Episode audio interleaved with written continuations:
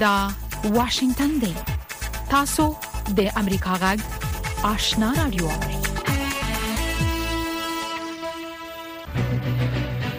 قدرمن اوریدونکو السلام علیکم زه شافیا سردار یم دا د امریکا جغ آشنا را دوه خبرونه پیل شوه لومړی به خبرونه واوري ویان احمد الله چوال د ملګرو ملتونو د خزو د چارو اجرایوي مشري سیما بهوس په افغانستان کې د طالبانو د حکومت لخوا د خزینه سنگارتونونو د بندیدو اقدام ته په خبرګون کې د طالبانو دا اقدام د عام ژوند څخه د ښځو حسپولو یوه بله هڅه ګڼلې. په ملګرو ملتونو کې د ښځو د چارو دغې لوړ پوړې چارواکې پرون ناوخته د خپل ټویټر په پاڼه د طالبانو د حکومت دا اقدام په افغانستان کې د ښځو د حقونو څخه یو بل شاته تګ یاد کړی. مېرمن بهوس ویلي، افغانستان کې د ښځو د سینګارتونونو بندېدل د ښځو د حقونو پر وړاندې یو شاتګ دی او د عام ژوند څخه د ښځو د حسپولو په برخه کې یوه بله هڅه ده. بهوس زیاته کړې، چې ښځې باید د افغانستان د راتلونکي برخه اوسي.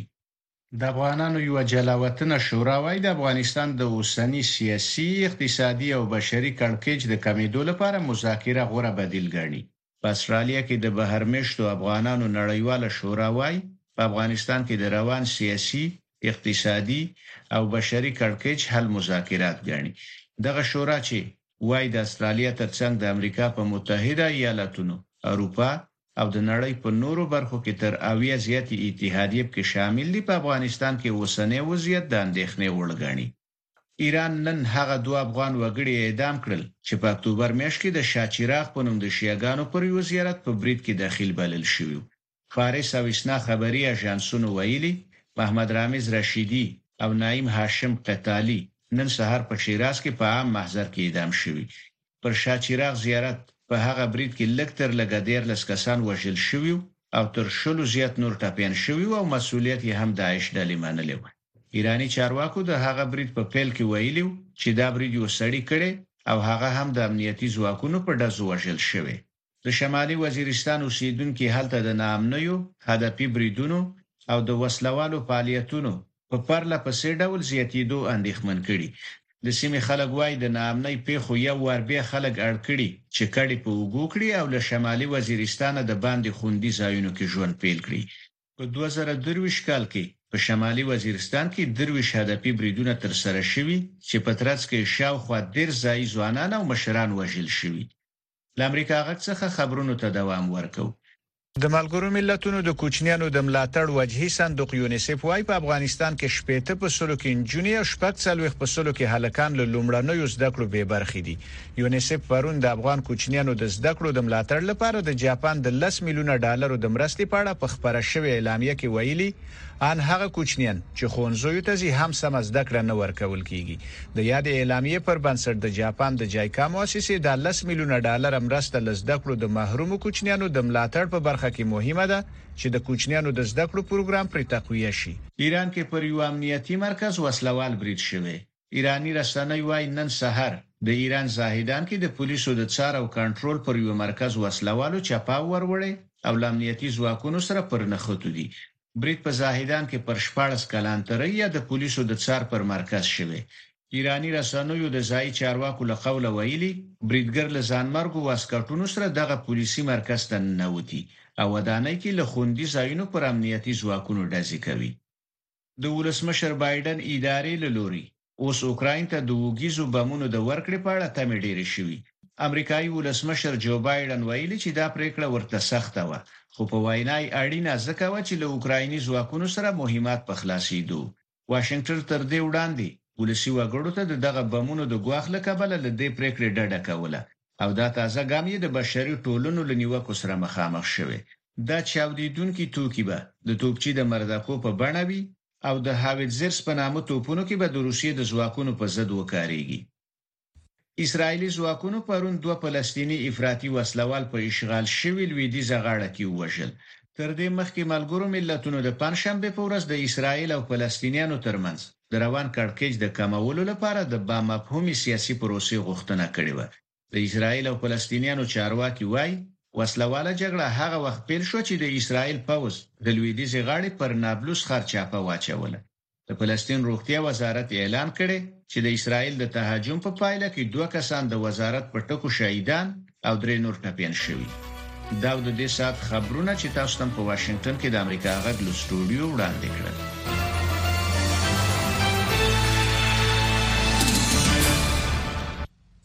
خبرونه مو واوریدل قدرمن اوریدونکو په دې سهارنۍ پښتو خبرونه کې د افغانستان سیمه او نړۍ د اوسنیو حالاتو په اړه کې مهم مطالب لرو او د امریکا ځخ سر مقاله هم اوریدلای شئ خو لومړی پام وکړئ دی راپورته د طالبان حکومت ویلي چې یو چینایي شرکت به تر راتلونکو څو میاشتو په افغانستان کې د برېښنا او سیمنټو د تولید په پروژو کې تر 350 میلیون ډالرو پانګونه وکړي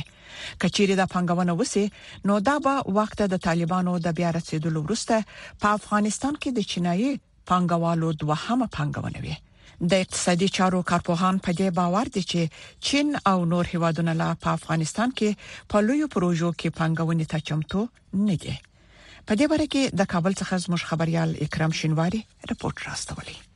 د طالبانو د حکومت د ریاست الوزرا د مرستیال او کپیل دفتر رسنیو ته په وسولي خبرپاڼه کې ویلي چې د پانچاین افغان په نوم د چینایي او افغان پنګوالو یو ګډ شرکت په پام کې لري چې تر راتلونکو څو میاشتو افغانستان کې د برېښنا سیمنټو او روغتیا په سکتور کې د نږدې 350 میلیونو ډالرو پانګونه وکړي دغه دفتر ویلي چې دغه شرکت ګډ رئیس د مولوی عبدالکبیر سره په کتنه کې د دې پانګونې جزئیات شریک کړي دي د ریاست الوزرا مرستیال او کفیل مولوی عبدالکبیر دغه شرکت د دې اقدام هرکلی کړي او ویلي چې حکومت د پانګوالو او سوداګرو ترڅنګ ولاړ دی او د هغوی د سر او مال د خوندیتوب ډاډ د طالبانو د حکومت تر کنټرول لاندې د باختر خبري اژانس د راپور لمخې د پان چاینا افغان د کانونو د پروسس او سوداګرۍ شرکت د چین د شینجینګ د اسیا د پټرولیم او غازو د شرکت او د افغانستان د وطن ګروپ ترمنځ یو ګډ شرکت د دې د مخه د طالبانو حکومت د کانونو او پټرولیم وزارت د جنوري په 15مه د یو چینایي شرکت سره د امو د سیندیزي د نفتو د حوزې څخه د نفتو د استلو یو تړون د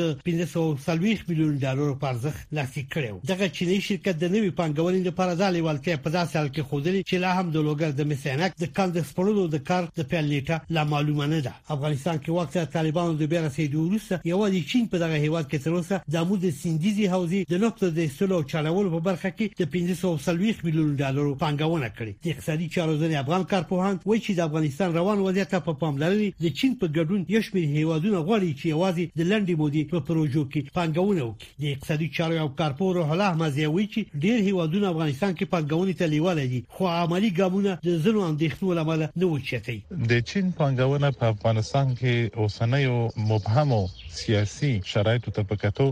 ناشونې ده. هر هغه مهال چې افغانستان کې یو مشروع حاکمیت او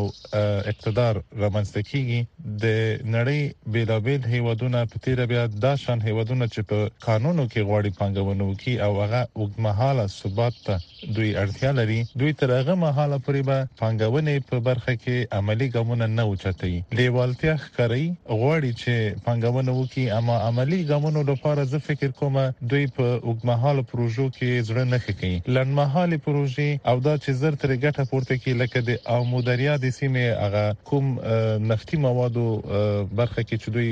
قرارداد لاسلیک کړی دغه شان پروژو ته چې دوی ته زر ګټه ترلاسه کړي او زر خپل هغه محصولات ترې پورته کړي، دوی به دغو برخو کې پروژې خامخا عملي کوي. د سیاسي چارو یو افغان کارپو احمد سیدي وایي چې اوس مهال کوچني چینايي شرکتونه افغانستان کې پانګونې ته لیوالتیا ښيي خو لوی شرکتونه لا دغه هېواد کې پانګونې ته تر اوسه نه دي رامخېته شوي. سرمایهدارای چین میخواهند در افغانستان سرمایهگذاری کنند، مخصوصا در سرمایهگذاری مواد خام و معادن. اما اینها سرمایهداریهای حکومتی و دولتی نیستند و سرمایهدارای. پخته و کاری نیستند یعنی سرمایدارایند که کار ویشان کمتر پیدا شده در چین و قدر کار ندارند. د اقتصاد یو استاد عیسی رضايي وایي چې په افغانستان کې د چین د پانګونې په وړاندې سیمه ییز رقابتونه هم د دې سبب ګرځېدلي چې دا هېواد افغانستان کې په لویو پروژو کې پانګونې ته زړه ښه نه کړي. فکر نکنم که امریکاییها اجازه بده حضور چینیها را به افغانستان. رقبای منطقه‌ای و بین‌المللی چین چنین اجازه‌ای را نخواهد داد. که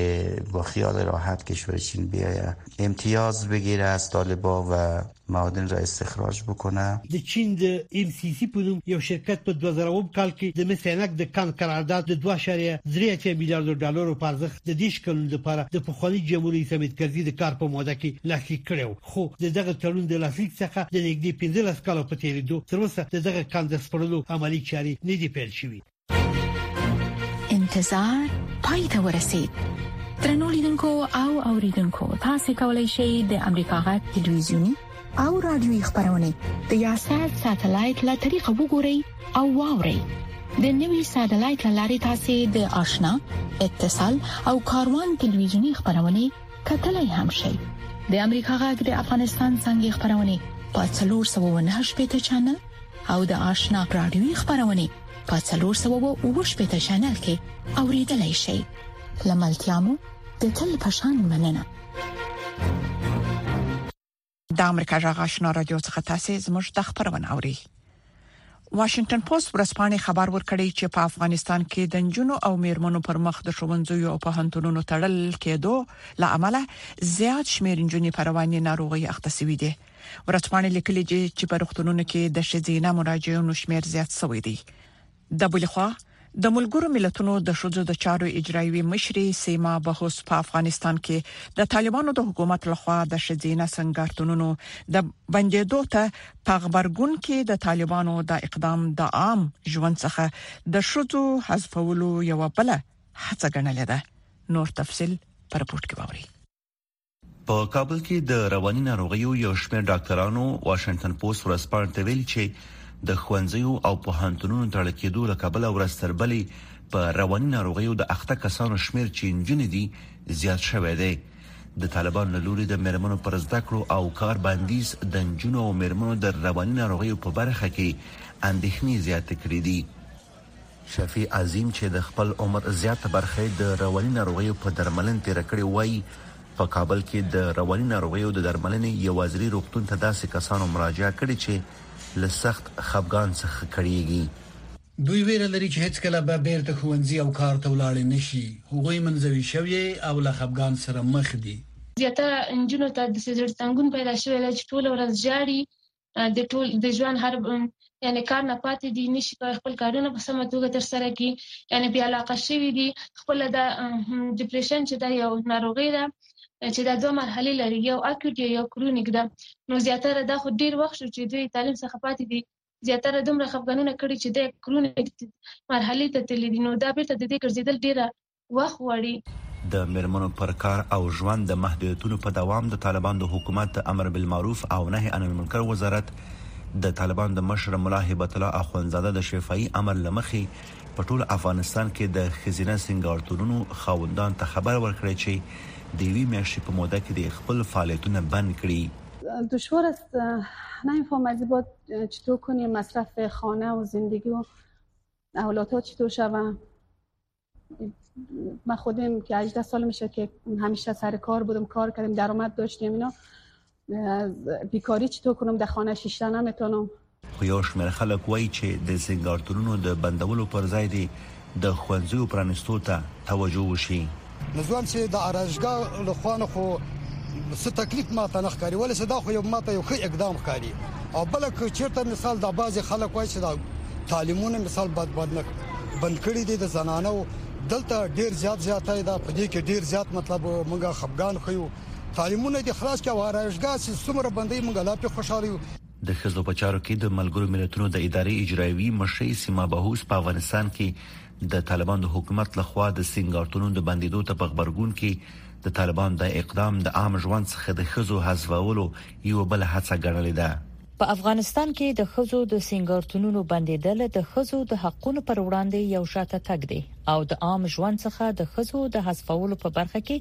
یو بل هڅه ده ښځې باید د افغانستان د راتلونکي برخه اوسي د افغان میرمنو او نجونو د بشري حقوقو لپاره د امریکا د متحده ایالاتو د بهرنی چارو وزارت ځانګړي استاذي رینا اميري د طالبانو د پریکړې په حق لا ویلي چې د طالبان د اقدام به افغانستان نور هم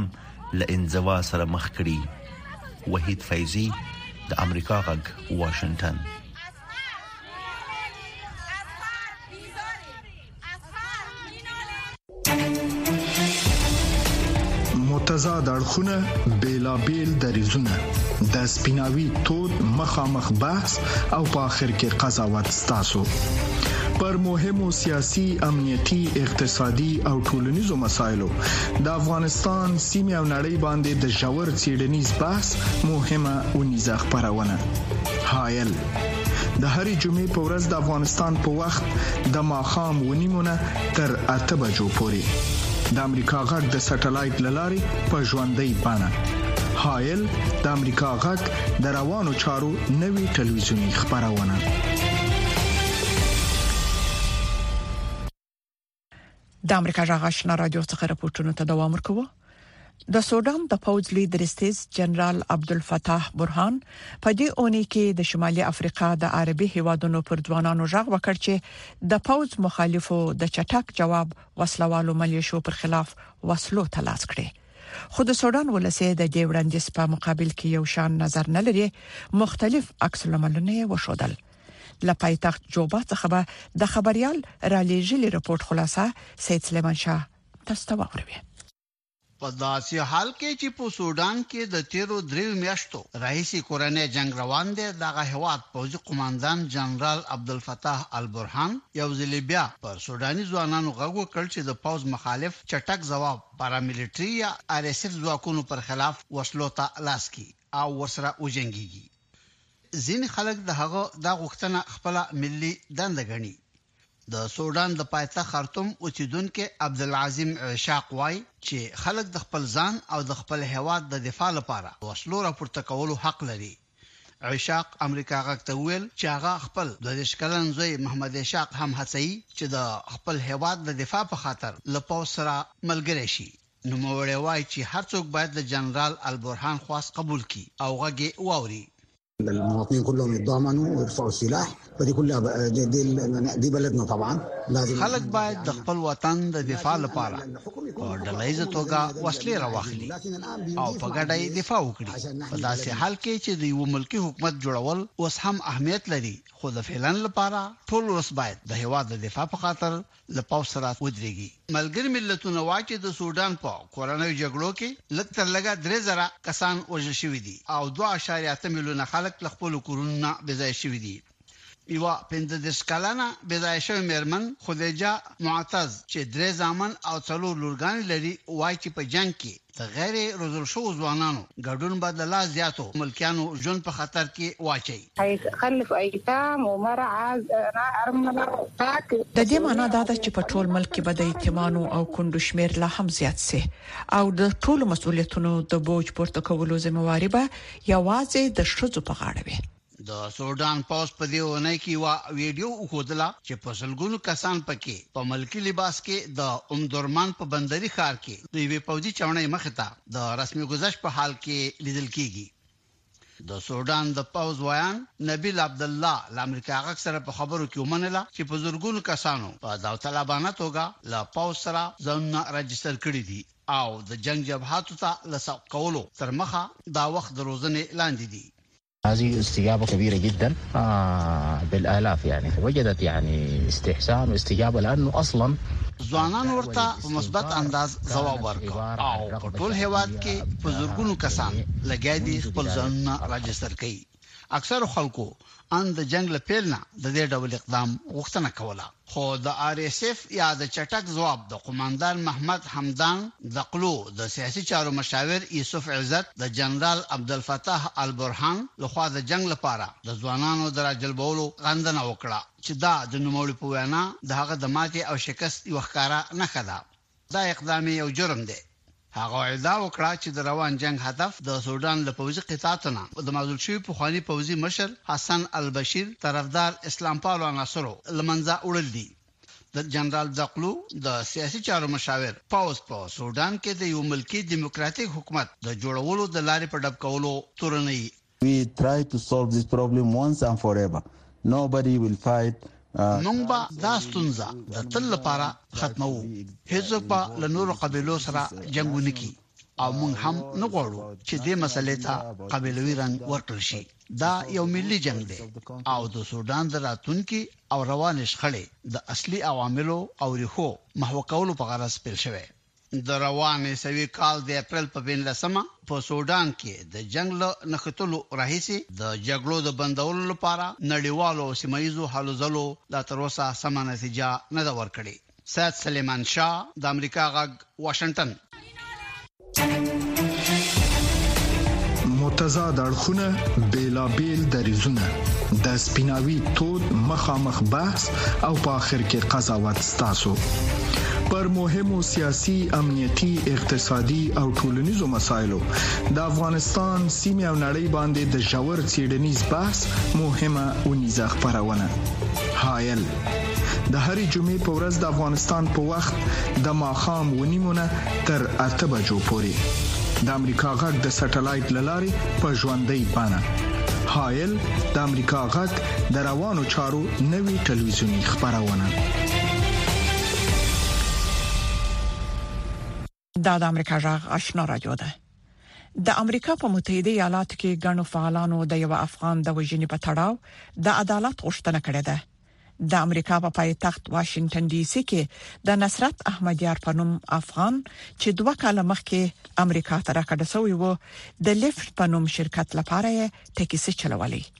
د دوشنبه سهار وختي د څلورو وسلوالو کسانو لخوا ووژل شو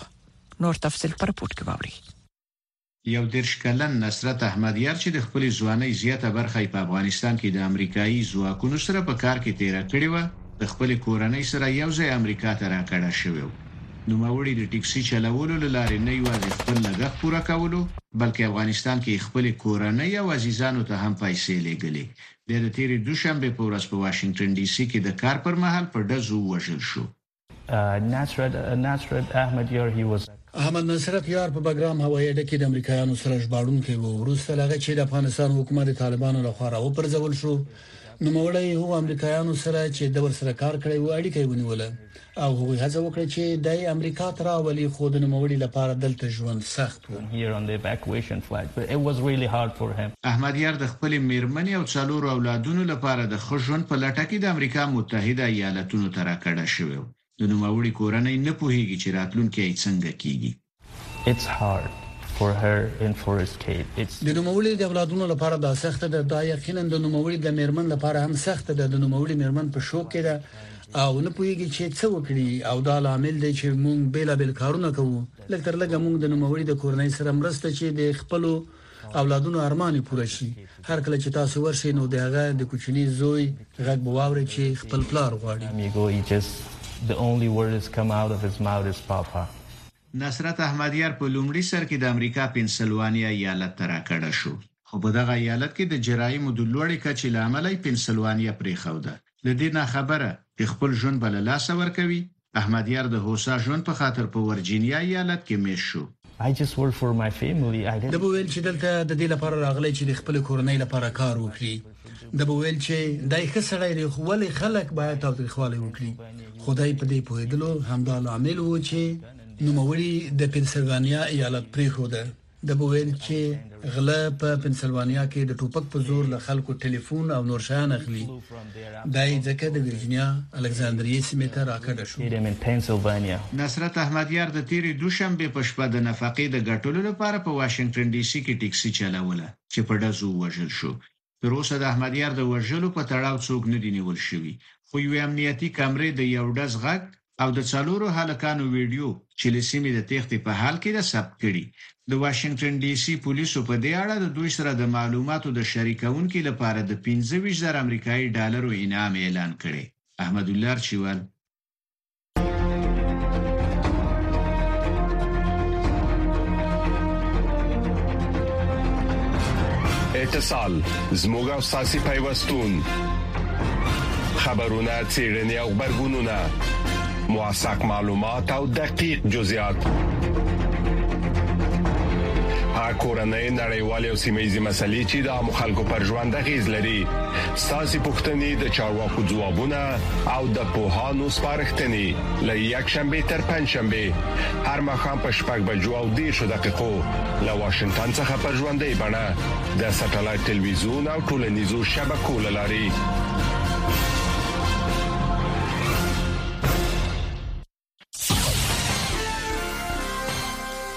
درنو اوریدونکو دا د امریکا غږ سر مقاله ده چې د امریکا د حکومت نظر څرګندوي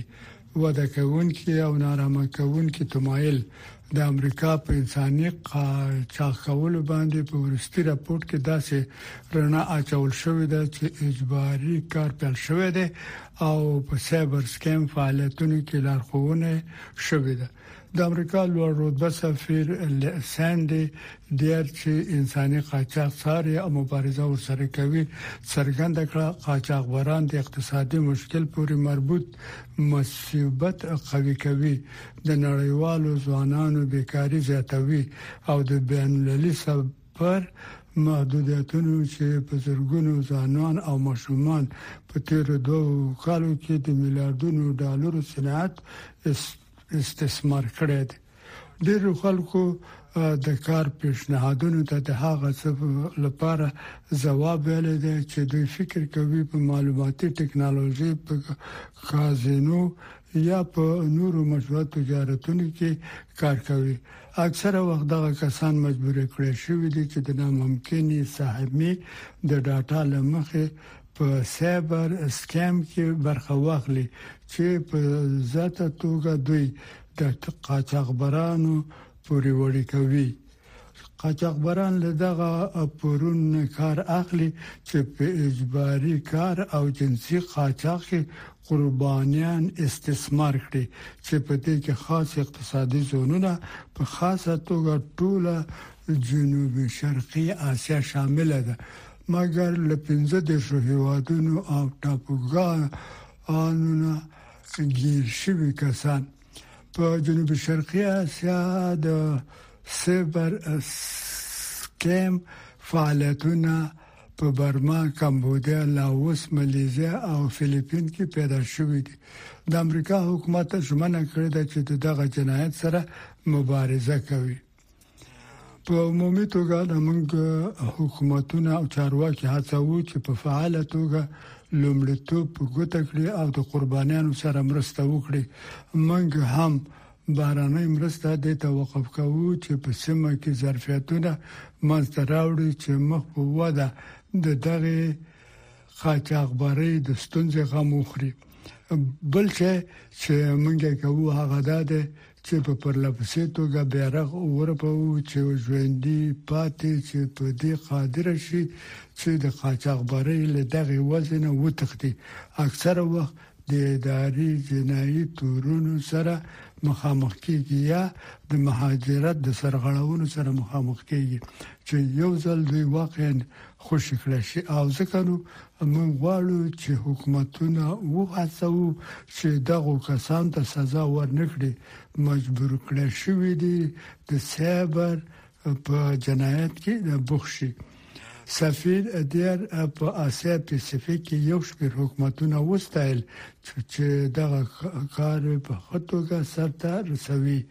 تایوان چې کوششونه زیات کړي دي چې د قربانیانو حفاظت وکړي او د جبري جنایت په قضایاو کې عافیت برابر کړي لاوس چې د بین المللي چارواکو سره همکاري کوي چې د لاو قربانیان د خاص اقتصادي زون له طلایي مثلث نه وژغوري او هانګ کانګ چې د قربانیانو او کورنیو لپاره په ویب ولاړ اپلیکیشن منځته راوړی دی چې د سایبر سکیم د فعالیتونو د پیښو راپورټ ورکړي برسیره پر دې سفیر ډیر څرګنده کړه، په ټوله اسیا پېسفیک کې د زیات شمېر د قاچاق شوو قربانیانو هویت معلوم شوی او همدغه راز د اعدام شوو او محکوم شوو قاچاقبرانو په شمېر کې سفیر ډیر څرګنده کړه، دغه زیاتوالی تشویق کوونکی دی، مګر ډیر کار باید وشي چې په سیمه کې د یادونې وړ د انساني قاچاق کولو